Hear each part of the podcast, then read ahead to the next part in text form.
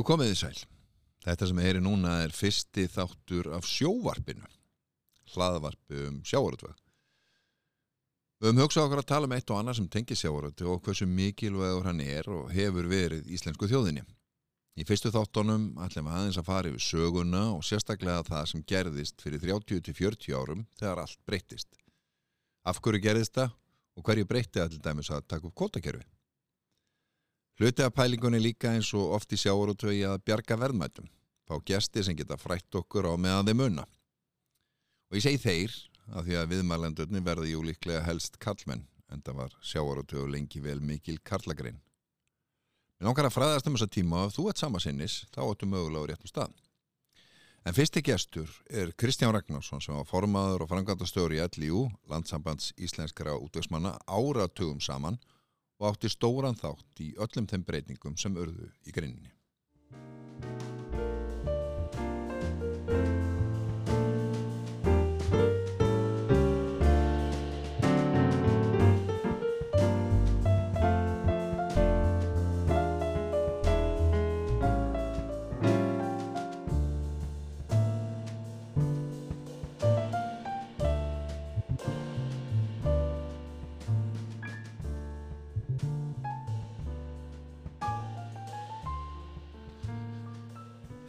Já, Kristján, bara byrjum að byrjunni. Þú kemur inn í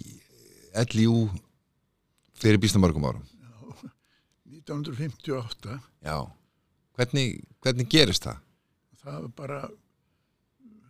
já, mjög góður skrifstofustjóri sem var Hafstedt Baldvinsson sem að síðan var bæðastjóri í Hafnafyrði hann hafði ykkur spurnir um mig þá var ég bara búin að útskrifast úr Vestlunarskólanum og fara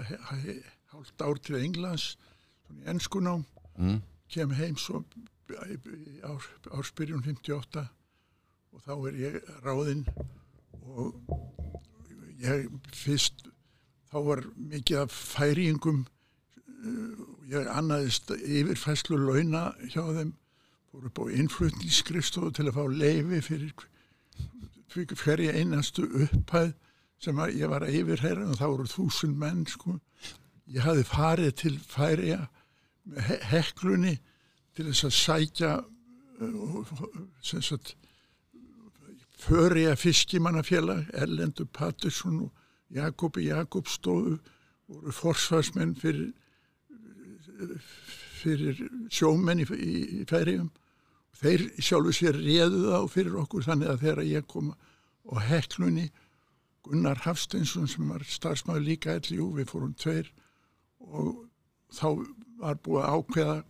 hvert, hver og einn færi. Svo við byrjuðum að, að flytja í land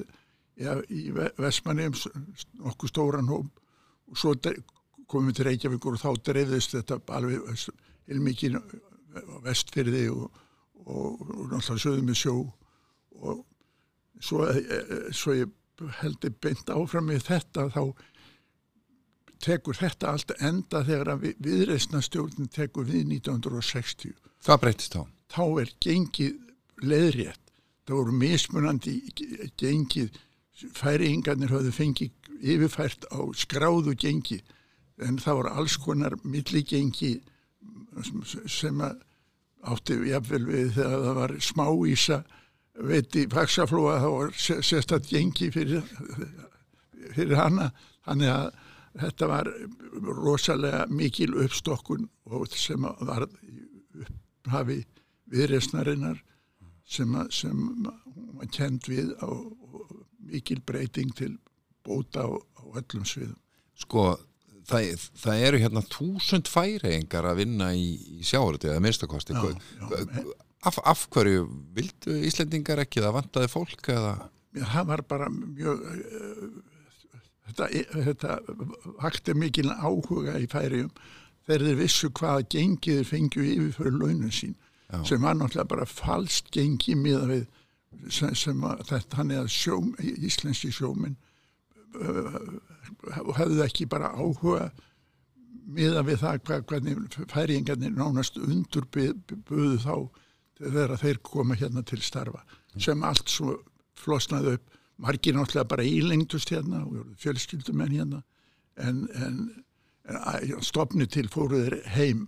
e, eftir e, þegar viðristanstjórnin kemur til valda 1960 Já. Það breytir náttúrulega miklu viðristanstjórnin er svona tímabil þar sem að hluti breytast mjög hratt á Íslandi Já, gríðarlega og, og, og náttúrulega þetta hafði náttúrulega heilmikið áhrif og sjárótvegin út af þessum gengismálum sko. mm. og, og allt var, var þetta til bóta en, en áfram glýmdi sjárótvegin með mikla erfileika og,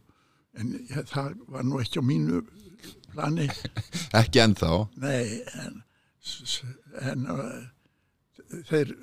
ykkur tíman já ákveða stjórnin að gera mig að erindireka staðin fyrir að ég hafði þannig bara verið venjulegur skrifstofum og mér fannst þetta nú ekki var interessant nafn vegna þess að aðal samningamæður sjómanna sem að ég þurfti fljótlega að fara að glíma við Jón okkur sem kallaði að dreki. Og, en út af því hann hafi haft eitthvað svona starfsæti eða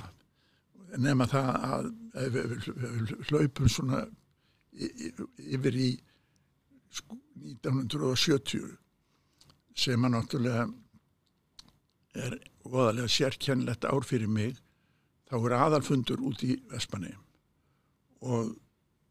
þar er búið að ákveða af svona helstu stjórnarmönnum í LIU Sverri Júliusson sem er formaður, Loftur Bjarnason, Sveit Benediktsson að Þorstin Gíslason ætti að verða formaður LJU eftir, eftir að Sverrir hætti. Hann gerðist alþingismæður á Suðunessum en þegar til eiga er komið þá vaknar strax einhverja evasemdir um það þetta Þorstin var hinn besti maður, hann var kennari við sjómanarskólan en var alltaf til sjós og sumrin aðalega hjá alla ríkra eins og við köllum hann á Eskifyrði og en, en það kemur ykkur ókýrði í hópina að þetta sé ekki alveg eins og þeim myndu vilja hafa það. En þá sko hafi ekki þetta verið nefnd einu orði við mig að ég geti eitthvað komið hann til greina. En svo fer ég að heyra það utan að mér þegar þá voru þryggja daga fundir sko aðalfundir LJU stóðu þrjá daga og, og þetta var út í eigum og, og náttúrulega fjöldi útgjaramanna við náttúrulega hótelið duði ekki, við þurftum að vera í verbúðum og, og dreifa mannskapnum þannig og enga heimili þannig að þá byrja þessi umræða um þennan strák á skrifstofunni eins og talaðar um hvort að það væri bara ekki eitthvað lausn í þessu og þá kemur það upp að, að, að mér berst þetta til eirna og, og gef lítið fyrir og fannst þetta ekki vera þetta veri svo framandi fyrir mig að, að taka svona hlutverk að mér. Þannig að við svo er góður vinnu minn útgjara maður í Vespanheim Björn Guðmundsson kallaður Björns og Barnum af því að hann var með sérstaklega sjópu líka fyrir utan að reyka vestlun og vera svo útgjara maður að hann vakna til lífsins ef svo má segja og, og gerir vart við sig að hann hann gæti hugsa sér þetta og, og fór að tala fyrir því í sinn hóp með vestmanningana að hann er því, er því formaður. En og ég sagði strax vegna sem ég var nánast sko út af því að ég ferðaði svo mikið sko þekkti alla útgjörðamenn á landinu eftir að ég var settur í þetta erendreikastarf þannig að að Björn, Björn ámálgar þetta að, að gefa kost á sér og ég sagði strax ef Björn Guðmundsson gefur kost á sér þá kemur ég ekki til greina við erum bara persónli vinnir og, og, og það gengur ekki. Þá leggjast þeir á Björn til þess að fá hann til að draka sér tilbaka hvað Björn gerði og þá er, er, er ég einn eftir sem orði komast. Og þegar fundur eh, hefst í eigum síðasta daginn. Og þá á að kjósa formann og, og þá er enginn í frambúðin nema þá er, er ég að steinja því upp að ég gefi kost á mér. Og, og það er sjálf, ég er sjálfkjörin og, ég þarf ekki að rifja það upp Nei. sjálfu sér sko en svoleiðis var það alla tíða Þú varst bara og, og formaður allan tíma og þá sko, sko einhverju mestu sko umbrota tímum sem sjávarútvöður hefur gengið í gegnum. Náttúrulega ekki að fara sko sjávarútvöður á þessum ára við- við tökum bara kannski áttunda áratvíðin þetta var mikill barningur. Þetta var bara endalös sparningur og það var verið að fella gengið og svo var hægt að fella það heldur látið síga eins og það kallað átti að vera eitthvað betra yfirbræð við, við því en, en þetta var alltaf vegna þess að náttúrulega það var ákveðin óhagkvæmni það var bara alltaf verið að stækka flotan og byggja ný, ný skip og, og það, það var var leiti bara sjálfu sér að, að þetta varð óakvæmara og óakvæmara og svo koma náttúrulega þessari stóru stund að, að, að, að fara að velta því fyrir sér hva, er, hvernig að stjórna þessu því að það var búið að setja eitthvað sem hétt skrapdagakerfist takmarkaði hvað máttu veiða mikið að þoskja og hvert skip og svona a- a- mjög flókið og, og, og þetta gekk enga meginu Hvernig var sko skrapdagakerfi, hvernig, hvernig virkaði það? Svona bara í, var það útlitað á skip eða, Já, já, en með þessum takmörkunum aðalega sko hvað hva, mátti veiða mikið það var, þoskurinn var alltaf aðal bitbeinið sko hva- hvað mátti veiða mikið af þoski og, og það var takmarkað á hvert skip. Og svo til þess að gera einhverja sátt í þessu þá var svona sóknarkerfi við hliðina og, og þá voru menn s- sem á, áttu voru komin í sjálfisur yfir í kótakerfið sko þegar að þ- það, það gekk engan megin að vera með þetta við hliðina því að þá gáttu menn unnið sinn inn nýjan kóta eða viðbútar kóta sem náttúrulega var þá að taka af einhverjum öðrum. Og þetta leiddi allt til mikillar sundrungar og óanægu og þanga til að skrefið er stíð að, að, að, að sem er á upptök sín og aðalfundi LIU á Akureyri. Þessar hugmyndir höfðu komið sko það, það var eitthvað að byrja svona að ámálga þessar hugmyndir og það, það er þannig eins og ég lest að þú varst ekki hrifin á kótakerfi Nei, nei, ég laðist ge- gegn því og taldi að það veri allt og mikil frelsisvifting að menn voru vanir að fá að veiða og hver var bestur sem veiti mestu og, og, og þannig að það, það var áherslan á hjá hverju útgerð og hverjum skipstjóra að að afla sem mest. En, en þetta gekk ekki upp svo kemur þessi svarta skýrsla hérna já, og sem sem kveikir svona í mönnum að þetta þurfi nú að gerast þessi veið, veið það þurfi að og þá náttúrulega byrjar þessi umræða sko um kvóta og, og, eins og þú segir þá eh, fannst mér þetta að vera mikil frelsisveifting en uppafið sem ég hef nú áður greint frá er að góðu vinnu minn Magnús Gústason var forstjóri hampiðunar átti með marga viðskiptamenn í, í, Ameríku sérstaklega Nýfundanlandi og í Kanada. Og, hann spyr mig eftir hennan aðalfund á Akureyri 1950 eh, 1970 að hvort ég vilja slást með honum í förd til að kynna mér hvernig þetta væri sérstaklega í, í Kanada og, og Nýfundanlandi og, og niðurstaðan af því er að ég kem heim þá, voru þeir með rosalega mikil áform um það hvað gætu veitt mikið svo að veiða miljón tönn á ári með því að takmarka uh, veiðarnar. Og þá byggðist þetta svo mikið á því að þeir held að veri miklu meiri fiskur í sjónum vegna þess að í strömskilum heldur fiskurinn sig og þeir held að veri jafn mikil fiskur í öllum sjónum eins og þessum strömskilum þannig að þeir fóru alveg villu vegar í því að þeir, þeir, að fara að setja upp fiskuriðstjórnunar kerfi en ég kem heim með þetta að ég verði alveg þegar þeir lýsa fyrir mér áhrifunum af hvernig þeir ætli að byggja stofninu að ég kem heim með þetta að bara ákefð að þetta verðum við að gera heim, heima og og en af því ég nefndi sko aðalfund LJU á Akureyri þá er samherji þeir frendur bræðunir og, og, og, búin að kaupa samherja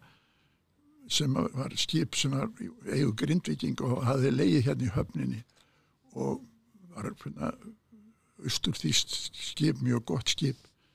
Og þeir voru að láta endur byggja þetta skip á Akureyri til að breyta því fristi skip. Og aðalfundur helli jú er bóðið að fara um borð og sjá þegar hvernig það er alltaf sér að breyta skipinu. Og, en þetta var bara tengdist þessu að ég fer þarna til Ameríku og kem tilbaka með það og þá er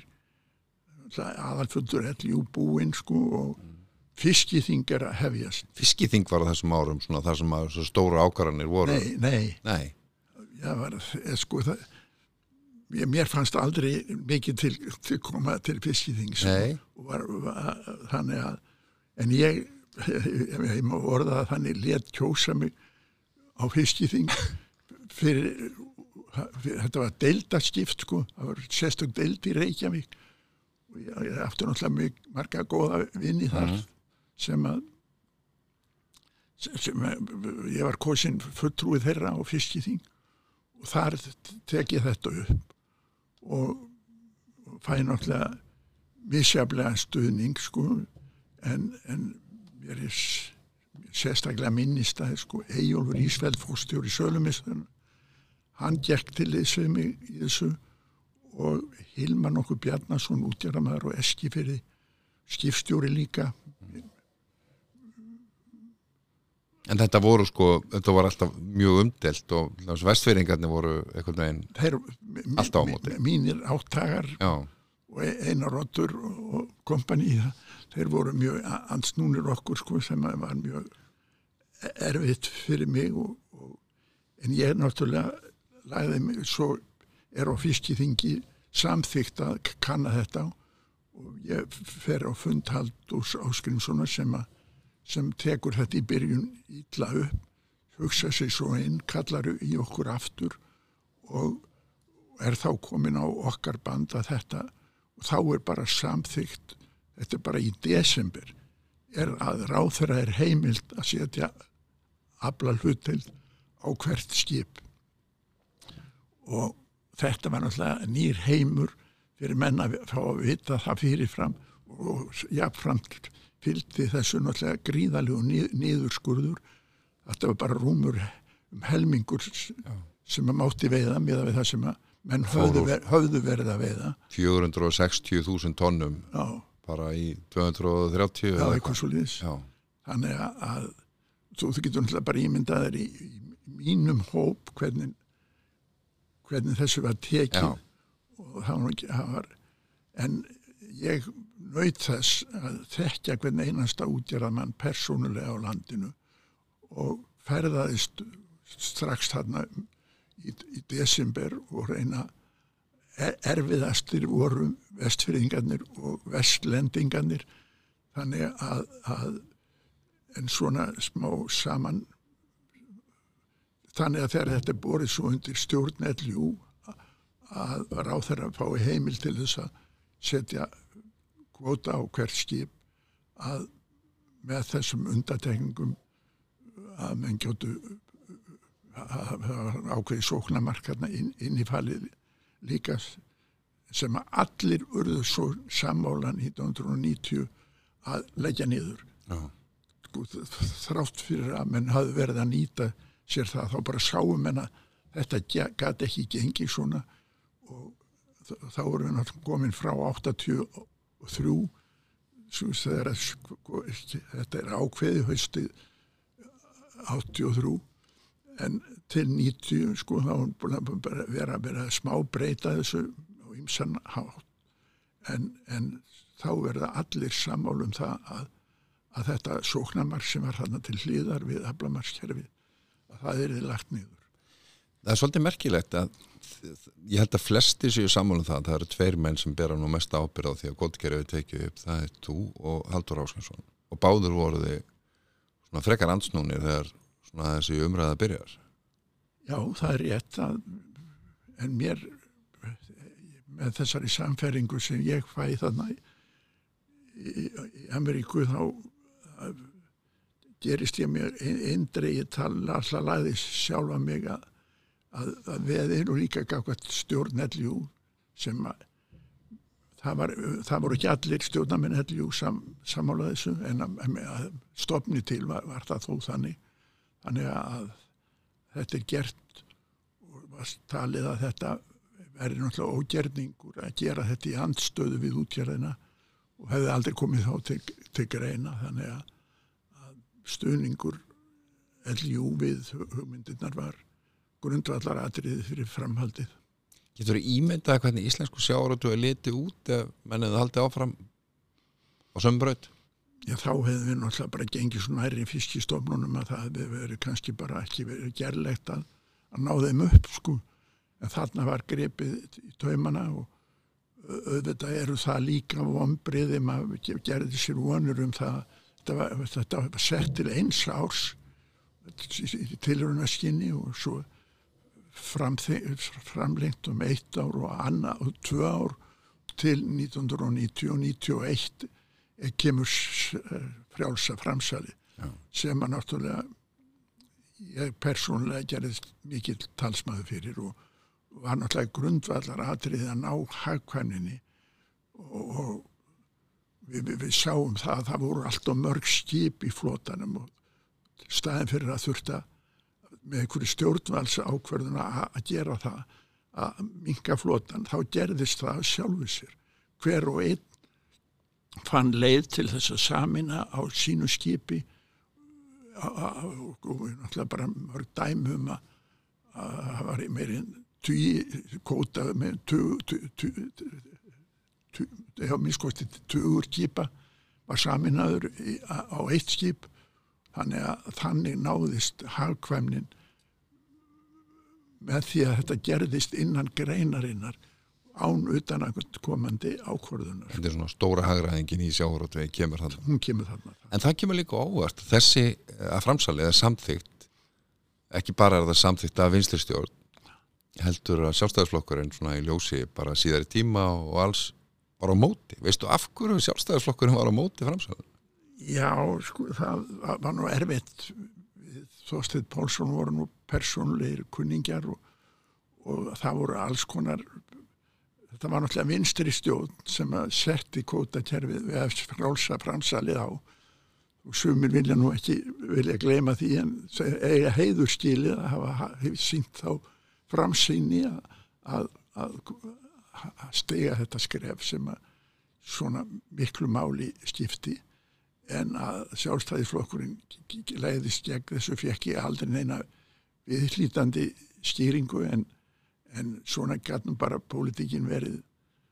ábyrg á vinstri kantinum en óábyrg á hægri kantinum sem er nú svona gegn mínum lífsviðhorfum. Þannig að en sem betur fer þá, þá gekk þetta fram með þessum hætti að frjálsa framsalið er, er ákveð af vinstri stjórn. Það er einn kenning sem ég veist vera svolítið skemmtilega því ég var nú að blada í æfisög Halldórs Ásvinssonar sem að mér lókaði alltaf að spyrja um og það er kenningi sem kemur fram um að útvegsmenn hafi samþygt kvótakerfið á sínum tíma vegna þess að Haldur hefði gefið það út að ef það þyrfti að fækka tógurum þá ætti að fækka þeim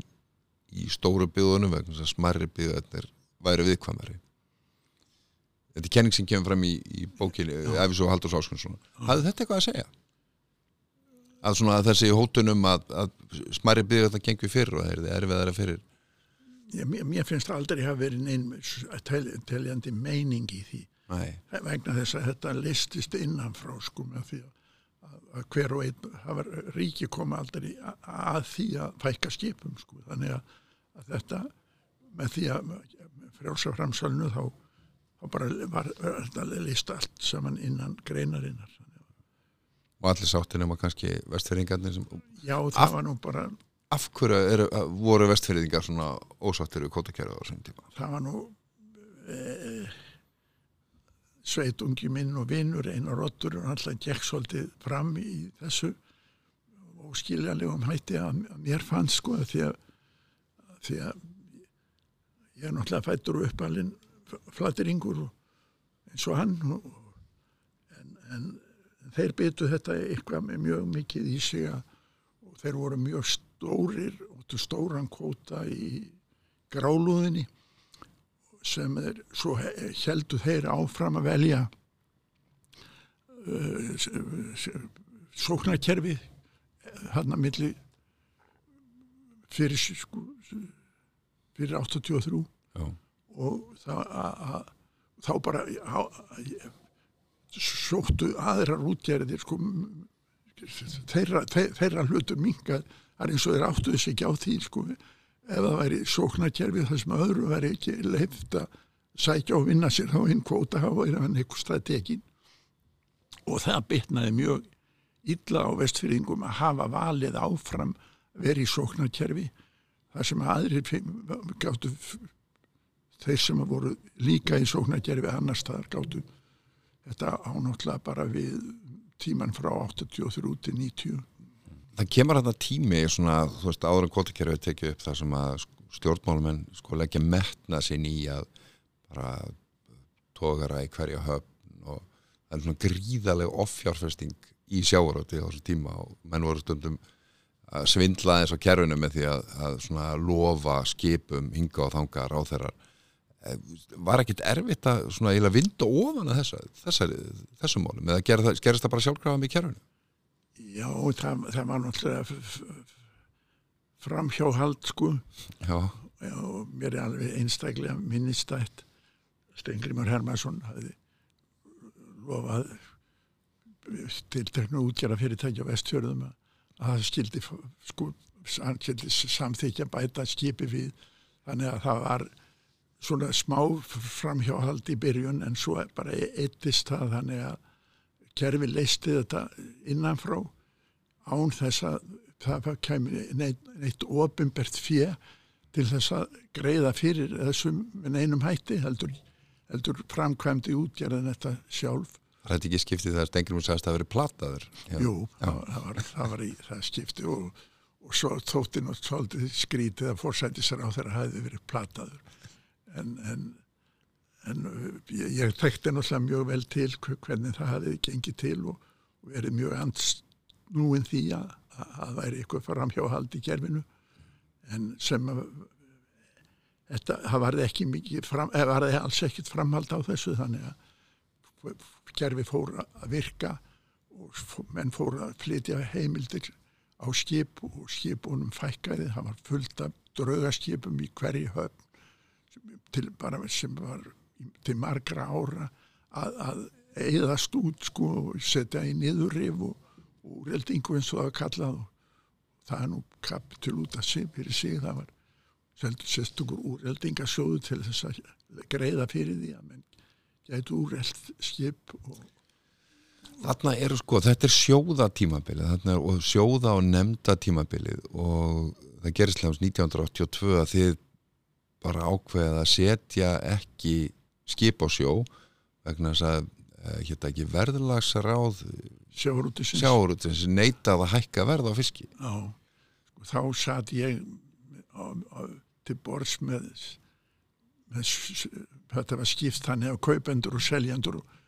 og útgerðamenn voru þessu seljendur. Þannig ég satt við hliðin á, á fulltrúum sjómana í velasráði sjárótisins og svo líka verði öfna sjóðu sjárótisins sem var hýstur í Sæðlabankanum ángjaf sama meði en, en þetta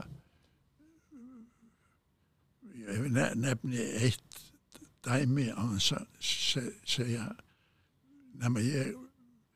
við sitjum þannig að það er búin að minga þetta niður í sko fjóra fulltrúa svo åtta maður sem var, var Jónas Haralds Jón Sigursson og ímsir ennbættismenn sem voru kift inn í til að vera form, vera åtta menn í velasráðu sjárútisins en sjómanna fulltrúsins aðvilliðin og með gerði kröfum til ríkistjónarinnar um tilteknar aðgerðir og svo þegar er verið að lýsa því af ótamanni að, að, að þessu sé hafnað þá þrýfur hann upp stól sem var eins og ég siti með örmum hóf hann upp í loft og það voru svona grindur í loftinu sem hrundu yfir okkur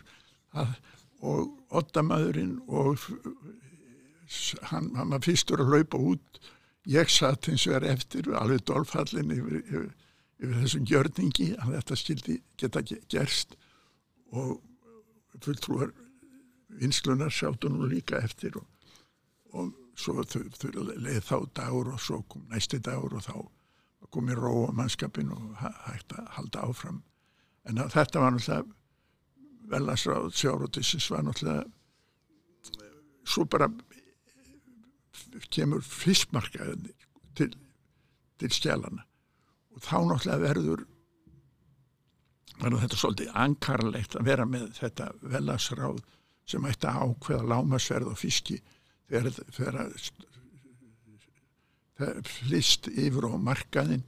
og uppbóð sem eru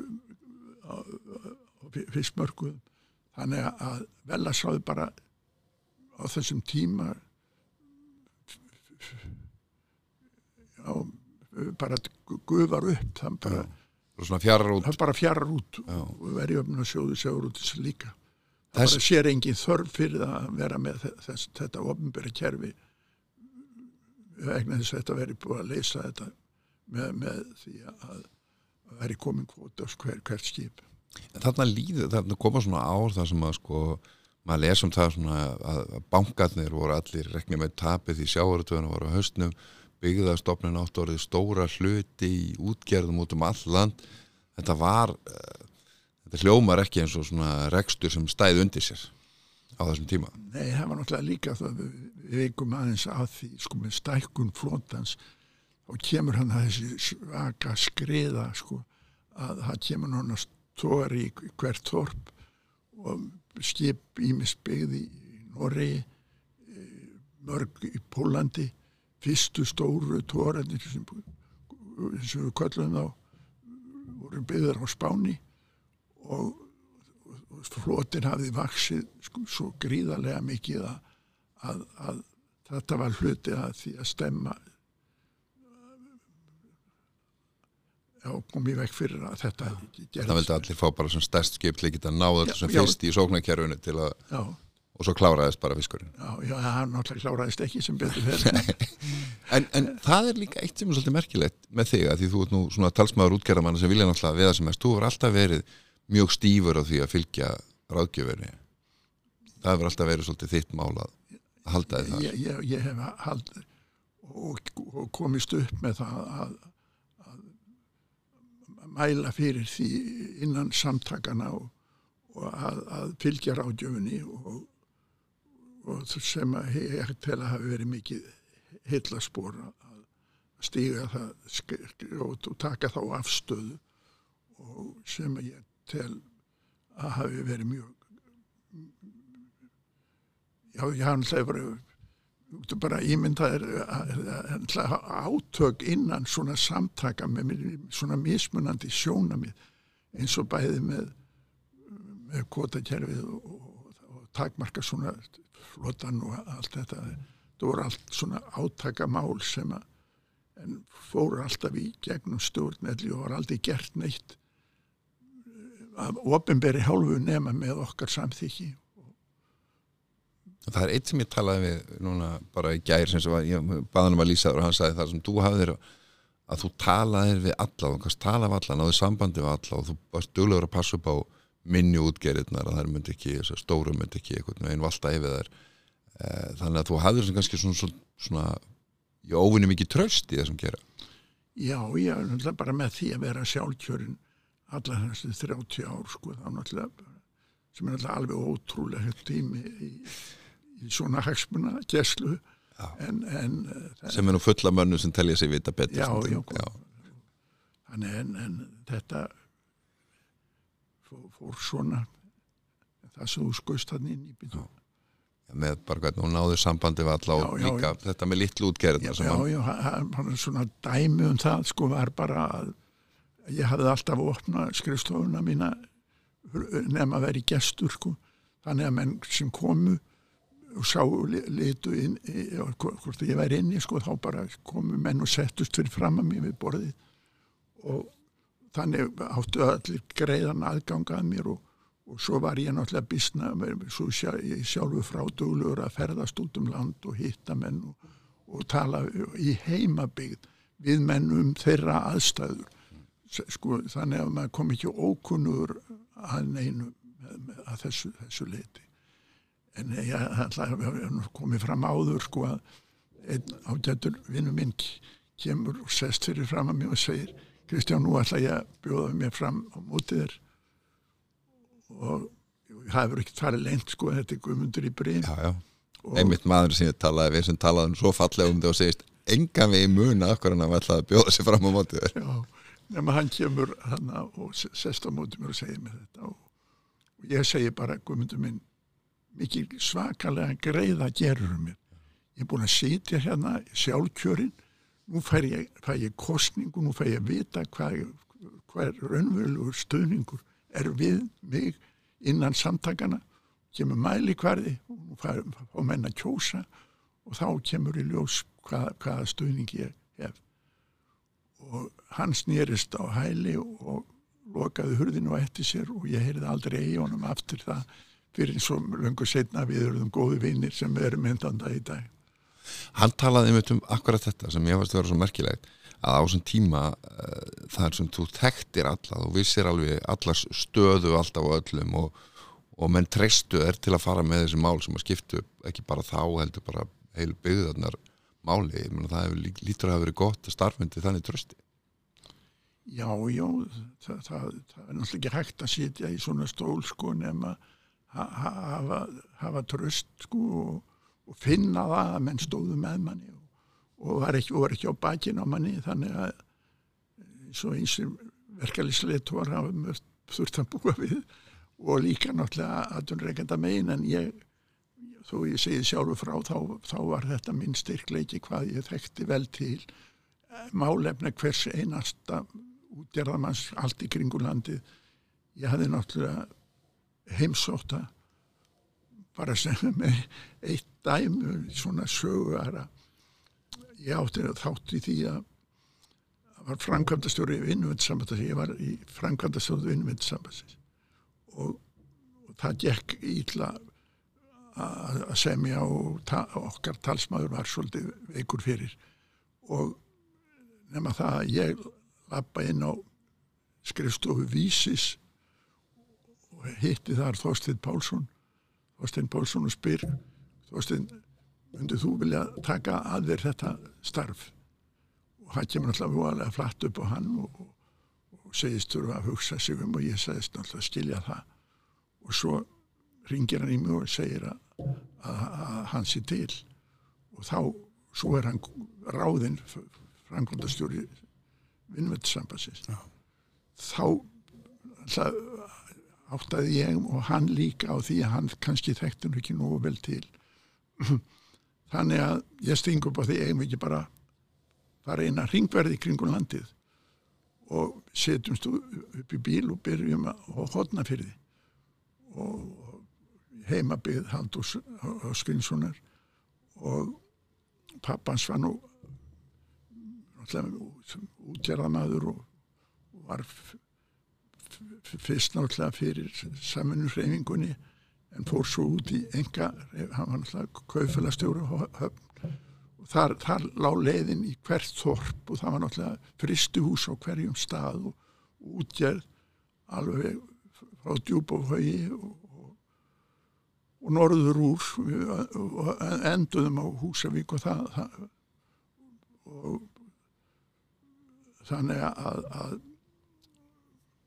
hann er gistum hjá Allaríka og Eskifyrði og Opnafyrði gistum við líka og svona sko þannig að hann fekk svona með því að lappa inn í hvert einasta fristuhús á landinu og, og finna sko og eiga tali við það sem fyrirtækinu stjórnuðu var hann mat þetta mjög mikils og, og ég hafði voðalega gaman að þessu að, að eiga þetta ferðalag með honum sem, sem svo var, leiti náttúrulega til stæ, stærri tíðinda sem ekki eru þessi tvengt þegar, hann fellur í formannskjöri fyrir, fyrir Davíð. Þannig að, að og það var náttúrulega svolítið sérstætt líka vegna þess að ég fór náttúrulega ekki lengt með stuðning minn við, við Þorstein á, á landsfundi sjálfstæðisflóksins og, og Davíð gerðist mjög reyður við mig og sagði að þetta passaði engan veginn. Í mínu starfi að vera, vera svona hlutrægur með, með öðrum frambjóðendanum og svo voru nú ágættir vinnir sem að stofnuðu til sáttafundar og þar sem að málum voru gerð upp og, og, og síðan höfum við þetta að við tekst vel. Þannig að og, og bara gaman að, að hafa fylgst með honum og, og bara ganga inn í stjórnaráðið það sem hann og fá þessar sögur sem hann, hann hans einstakur í frásög sko að segja frá og gera hluti skemmtilega. Maður gætt velst, velst um að hlátri einsamat sittandi á mótunum af því að hann sæði svo skemmtilega frá og náttúrulega bráðgrindur og, og skemmtilegu maður En þarna ferð þú, þú ættir náttúrulega eiga eftir eh, samskiptu við Þorstein aftur sem sjáurðsráðara náttúrulega í mörg ár. Og þeir eru nokkri hefur farið í gegnum. Og ég las viðtalið, gafalt viðtal í sjómannablaði þar sem að þú varst einmitt spurður út í sjáurðsráðarana sem að þú hefur þurft að eiga við og þú sagðir þú varst beðin svona um að meta þá hverjir, hver hefur verið bestur og hver hefur verið erfiðastur og, og þú sagðir að, að þú vildir býða með það til betri tíma. Er þetta betri tími kannski? Hver var, hver var hvað þar að sjávarútusráð þeirra var best að vinna með? Þetta byrja náttúrulega sko þegar ég kosin út í eigum þá er, þá er Eggjast Þorstinsson sjáurútsráður og, og, og hafa okkar samstarf var strax mjög gott. Svo kom Lúðvík Jósesson og það, það mátti Lúðvík eiga að, að, að, að það var hann hlustaði og hann, hann matmálið oft mikill sangjörni ég minnist eins atviks og Lindagötu sem sjáurðsráður var, var þá. Og, og ég segi set á móti Lúðvík og segi ég hef greinilega ekkert hér að gera. Þú, er, þú ert ekkert að hlusta á hvað ég er að tala um. Þannig að ég ætla bara að víkja af þessum vettvangi og, og fer. Kemur ekki Lúðvík hlaupandi á eftir mér og snýr mér við og við setjum saman aftur við sama ég á mótónum við skrifbórið hans og tókum tal saman sem reyndist ágætt til, til, til framtíða liti með að við hann var ráð við áttum mjög gott samstarf. Að, að og náttúrulega mjög, mjög sérstak Lúðvík var náttúrulega ekki e, að, þetta var náttúrulega þetta þrý eiki á Neskupstað Jóhannes og Bjarni og, og Lúðvík þetta var mjög, mjög sérstakt og, Kraftmikil sjálfmálumæður og hvort hvort hann var og, og já, átti bara mi- mi- mikið fylgi en tala nú ekki um Neskupstað sem að maður þekkti náttúrulega líka til og, og en, en, en hann, hann eða þetta þrý ekki réð náttúrulega öll á Neskupstað til margra ára ára töga En svo koma aðrir eh, Kjartan, Mattias Bjarnarsson eh, og svo náttúrulega Halldór. Stengrimur Hermansson segir að, að, að, að Halldór hafði bara getu úr lófanum á þér ég hef sögunni sinni. Já, ég hef ekki orðað að bynd þannig sko en kjartan var til dæmis sko þá, þá kemur oljukrísan upp. Ég er með í góðum félagskap að veiða upp í þverjá og þá ringir hann það var nú ekki farsímar hann ringdi í veiðihúsið og let kalla mig út og, og segir að ég verða koma í bæinn og það, það, það sé bara verðum að taka á, á þessu oljumáli þá náttúrulega hækkaði oljan hérna gríðarlega og, og, og ég segi við Kristínu konu mína ég verði að fara en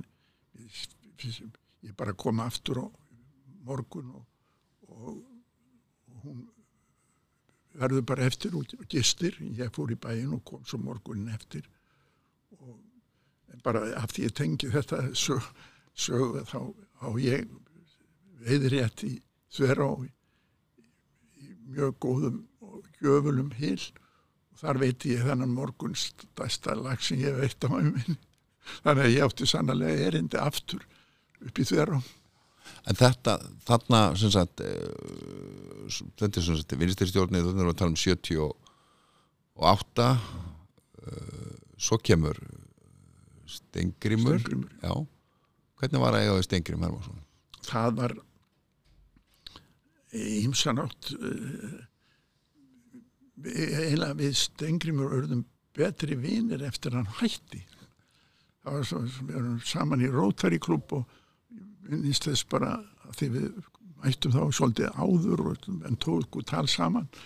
En hann gerði sér mjög mjög- hafði já, ég leið það þannig að hann hefði gaman að blanda geði við mig og þannig að við höfum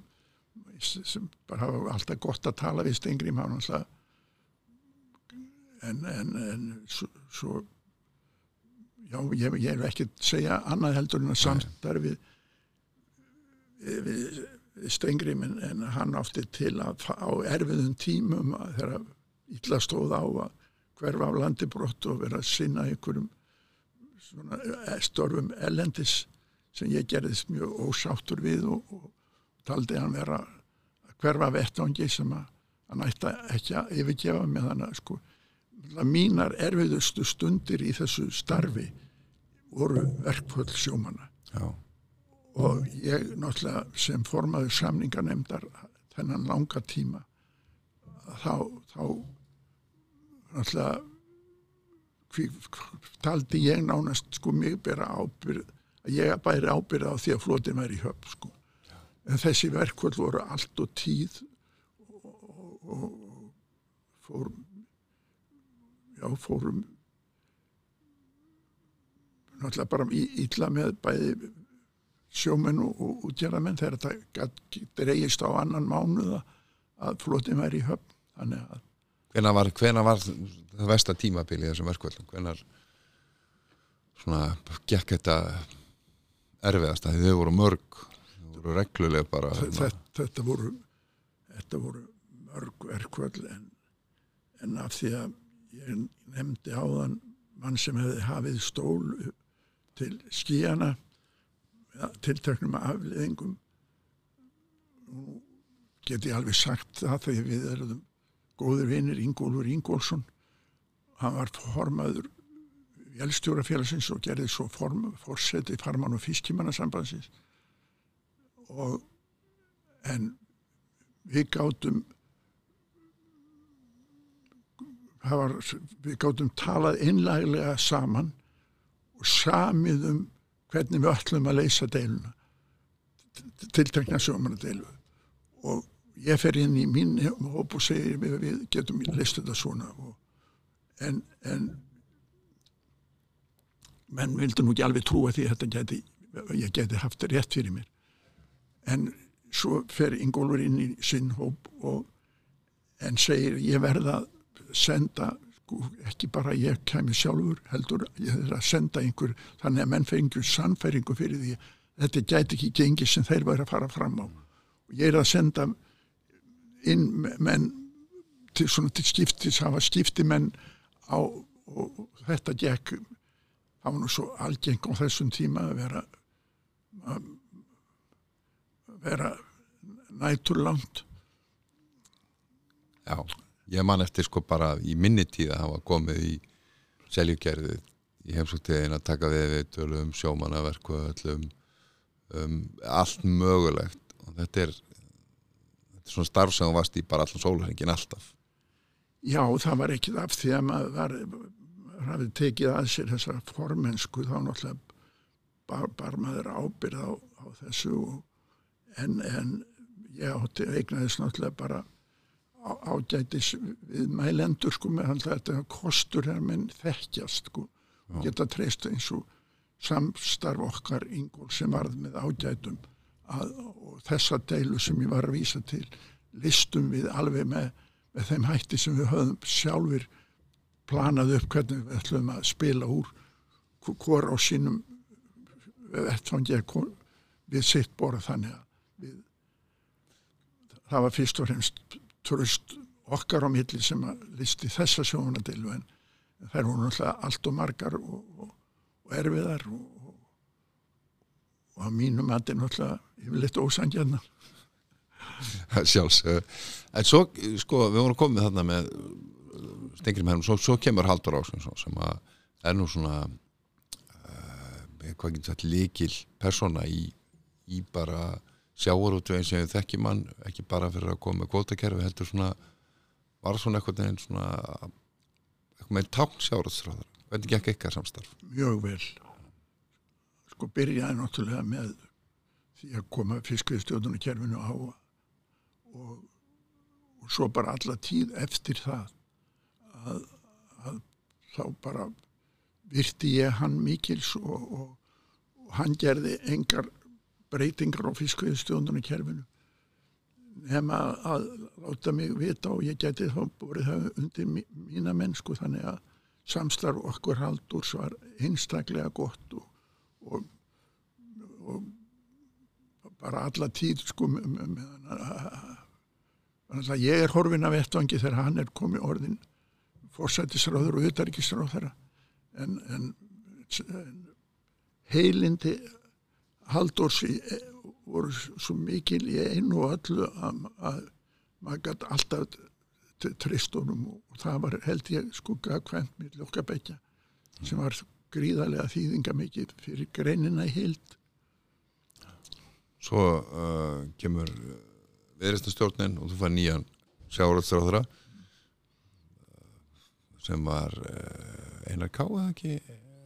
Nei, Þorstein Þorstein, Þorstein, gleym Þorstein, já, já, já, eins og ég var náttúrulega bara að segja þér hann með ringferðin okkar. það, þá bara skapaðist viðnáta sem stendur enn þann dag í dag. Já. bara í fyrra dag vorum við hittast fjórir kaffivagninu sem við gerum reglulega og hann er einn úr hópnum og, og, og bara sagt hitti Magnús Gunnarsson og Magnús Gústason þessi fjórir hittum svona reglulega. Þannig að mjög gott að eiga svona góða vini og, og ekki sem að, gildir svona mikið. Magnús Gunnarsson var náttúrulega líka frangvandastjóri vinnvönd sambansins eftir að þóstinn fyrir pólitíkina. Og með þóstinni tekur þarna annan slag sem er uh, smugan. Já, já, það, það var náttúrulega mjög mjög sérstakt sko að, að, að við áttum rétt á að, að lögum að, að veiða í, í smugunni en þetta fór óskapli í tögvendnar á normunum hvað við sóttum stíft í þetta var náttúrulega bara hluti að, að búa til verkefni fyrir flotan mm. sem var náttúrulega bara of heftur með að við stærð að, að geta hafið þessa útrás þannig að en þetta til að gera langa stöðututta þetta leistist með samningi sem var bæðið normin og rúsá en þá eigum við þannig smá rétt þannig sem að en nú bara sapnað held ég orðið á eitt eða tvö skip sko menn bara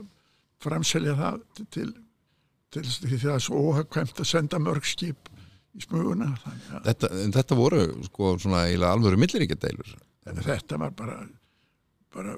haft í hótunum við okkur og, og þetta að, það var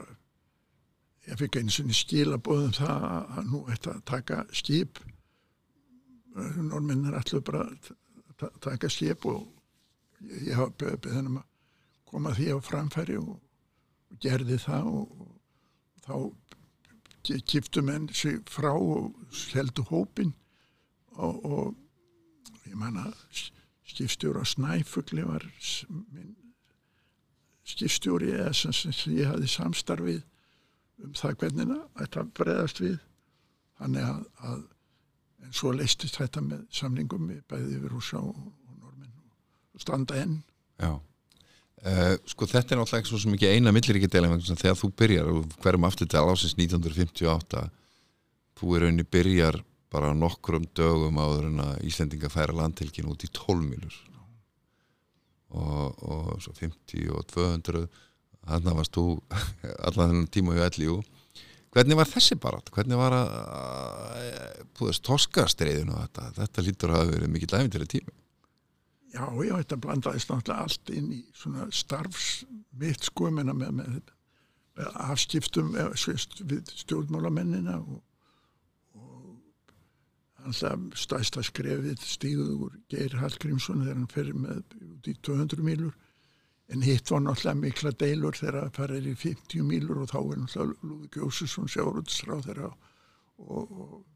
fór mikið fyrir og, og Þannig að þetta voru skref, erfið skref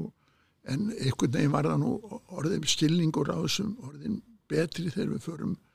út í 200 miljóður en auðvitað erum við náttúrulega búin að lenda í mjög alvarlegum deilum og á, áreksturum og ekki að reynda að keira skip niður fyrir okkur og,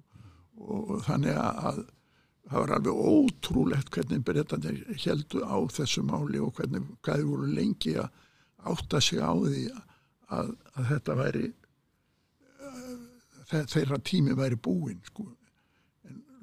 það kom að því og það var nú bara þá bara heldu útgerðamenn í Grinsby og Hull bara þegar allir voru sáttir veislu sem þeir buðu okkur hjónum í og, og allir kvötust með virtum og, og máli búið. En, en, en, en þetta er þannig er ég náttúrulega að gera flóknarsögu einfalda sko. Jú, jú, jú, þetta er þetta, er svo þetta eru svo mikil átaka tímar sko þegar að, að þegar að átökin verða svona alvarlega á, á miðunum sko þannig að og alveg ótrúlegt að að hvað, hvað þetta gekk lengi Já. En svona skref, eitt af svona stærri skrefum sem sjáur út við alltaf bara þurft að taka. já, já það var náttúrulega bara þegar að þetta svo ég hlaupi nú bara sko bara koma til Grínsby og húl eftir að leist, deilan er leist og, og frá, lík frá þessum veisluhöldum bara að ganga að höfn í Grínsby og húl og sjá skipin sem eru komin öll af Íslandsmiðum þegar deilan er leist og þeir lögðu skipunum þannig í dokkirnar að, að stefni sneri að hafnagarðinum ólíkt og við leggjum skipum hlið við hlið þá lögðu þeir stefninu að skip og ganga fram hjá þessum tuga skipa sem voru komin af Íslandsmiðum og líta aðeins í eigin brjóst að bera svolítið ábyrð á því að svona veri komið fyrir þessari öflugu útjörð sem að, sem að þeir höfðu stunda með, með náttúrulega góðum árangri en allan þennan tíma þanga til að, að deilan leysist sko. þannig að, að þetta, þetta er eiginlega það minnist að sko, lók deilunar að sjá og telja sér bera ábyrð á því að svona sé komið að þeir séu búin að náttúrulega skila öllum skipunum aftur ja, ekki aftur, öllum á sama tíma í höfn. Það er verið pínu erfitt. Það var bara virkilega að því að maður bara sá hvað, líka hvernig þetta kom við sko fyrstmarkaðin í Úl og Grínsby og hvað, hvað svo náttúrulega fer, fer ég að verkalýs leiðtói í húl sem að gekk mjög fram. Að reyna hann var sko þingmaður og ráðherra að reyna að leysa þessa deilu en en sem betur fer þá þá náðist samkómulagum um það hvernig þetta hvernig þetta skildi ljúka Sko, eftir allan tíma þannig í LIU frá 58 til 2003 eh, fylgist það þá með sjálf? Ég, ég hitti þið stundum á svona fundum og svona þú... ég, ég, ég, ég reyni að halda svona ég er ekki að ferðast út um land eða þannig en, en ég á náttúrulega ennþá en þá segi ég sko vegna náttúrulega með því að hafa tínt tölunni með, með, með margir með mínu besti vinnir og ég held ekki að fara að telja þá upp sko hverju, hver nánast í hverju plássi á landinu sko. En, en en þeir eru margir hornir yfir hvað segir maður? Móðuna miklu, móðuna miklu að, en, en, en ég reyni að, að svona mæta að svona stærri fundi og, og til þess að reyna að fylgjast með og ég náttúrulega hitti þá marga goða inni mín en, en þeir hafa verið að týna tölunni En hvernig finnst þér ástandið í sjávarútu í dag? Já, mér finnst náttúrulega bara ef að núverandi matvælar á þeirra getur e, e, ef hún skadar ekki greinina mjög mikið þá myndi ég segja hún, hún stæði náttúrulega bara einstaklega vel og, og bara maður er bara stoltur af því hvað, hvað, hvernig útgerðin stendur sig og, og, og hann sagði ég hef þátt í það í því hvernig það gengur fyrir í dag en þetta, þetta gengur bara vel og maður bara vonar að spárum það að við fáum enga loðinu hafandi að fengi svona góða verði í fyrra. Já. og erum að vona að, að, að, að það er spár gangi ekki eftir. En hvað finnst þér um hlans eins og nú tala menn svolítið mikið um samþjöppun í sjáorútvegi og, og, og sögumir á því að hér eigi bara að vera kannski ja, 3, 4, 5, 6 bara stór fyrirtæki sem bara sjá um þetta Hvað er þú í? Ég hef alla tíð verið andvi úr því sko að og, og það, ég, eins og ég held að þú hafi nefnt sko að ég lagði alltaf mikla rægt við þessa smæri útgerðir og þær er það þess að þessi fjölskyldu fyrirtæki þessi litlu fjölskyldu fyrirtæki sem að skipstjórin var útgerðamæðurinn og fjölskyldan á bakvið hann rækið mörg slík dæmi sérstaklega eins og Snæfisnesinu en, en þetta, þetta var mjög mikils virði að halda breytinni en svo hefur þetta náttúrulega líka virkað þannig með fjálsaframsalinu að þá hafa menn og pólitíkin alltaf verið að tala um að taka þetta kerfi af. Já og alltaf með hótanir þá náttúrulega hafa menn flúið af ettfanginum meðan þeir gáttu selt skipið með fóta og þá náttúrulega var þetta bara kvati til þess að, að fækka skipum með, með þessum hætti að, og þetta bytnaði náttúrulega eða bytnaði ef margir fóru frá borði sæmilega efnaðir sko af því veldu, veldu þennan kostaði yfirgefa greinina en svo hafa mann verið að tala um að reyna að komast inn í hann aftur. Það, ég hef aldrei mælt með því að það verið eitthvað framhjóhaldi í því efni. Nei, ekki frekar enn í tóðarakaupanum hérna. Eh, það er mikið talað um núna uh, og þeirra núna talar um sátt í sjávarötu sátt um sjávarötu heldur þú eftir öllis ára það verði eitthvað tíma svona raunverulega sátt um sjávarötu sko, þetta er náttúrulega svona grundvallar atvinnugrein sko að það er, það er erfitt að miða við hvernig svona sumir ráða, ráðamenn tala. Þetta og eins og matvalar þeirra sem núna situr í stól sjáarútisráð þeirra segi ég sko og tillir sig sem matvalar á þeirra þá, þá eh, er þetta ef, ef hún fyrir að sækjast eftir sko, meiri og tilenga sér meiri yngripp í grein þá er náttúrulega bara stór hætta á ferðum sko að, að, að þetta verði ykkur sósilismi sem taki við í greininni. En, en, en, en má, maður verður að treysta því að pólitíkin verði ekki svo galinn eins og ég myndi segja að, að fara að stöðla að því að það geti gerst Svona bara rétt í lókin þegar þú horfir yfir sko, þú ert öll þessi ár uh, forma, lengsta formaður og frangatastjóri og þú ert sko forsöngvar í grátkórnum eins og alltaf talað um og alltaf, alltaf einhvern veginn talað um grátkórin en, en hvað er það sem stendur upp úr þegar þú horfir þessi yfir hennan tíma? Hvað er, hvar voru stóru sigrætnir hvar var, hvernig voru bestu tímanir alltaf hvernig tókst til með, með landhelgin það eru stór sigrar í áfengum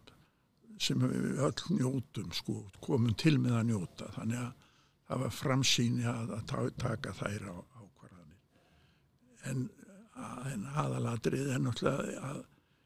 einkenni útvegsins er þetta enga framtak sem býr í, í, í hverjum og einu sem tekur þátt í þessari grein og þó að náttúrulega þorpin út á landi hafi orðið misjaflega fyrir þessu sem ekki var, var hægt að sjá fyrir sko, ég, ég, ég, það, er, það var ekki hægt að reyna að spyrna fótum við sko með að framsaliða komið að takmarka það með, með, eins og náttúrulega hefur verið látið líka að sko stjórnmála hendi að, að, að þá væri náttúrulega bara brostna sem er margar fórsendur í þessu ég sínist að það sé nú ekki viljitinn en, en stóra sviftinga í greininni þannig að hún fá að þróast áfram eins og hún hefur verið að gera og greinin stendur eins og ég skil þó ég sé ekki að rýna í tölur um afkomu. Mikið í dag þá stendur hún vel og það er náttúrulega bara mín óska að svo megi verða um langa framtíð. Takk fyrir komuna. Takk að þið fyrir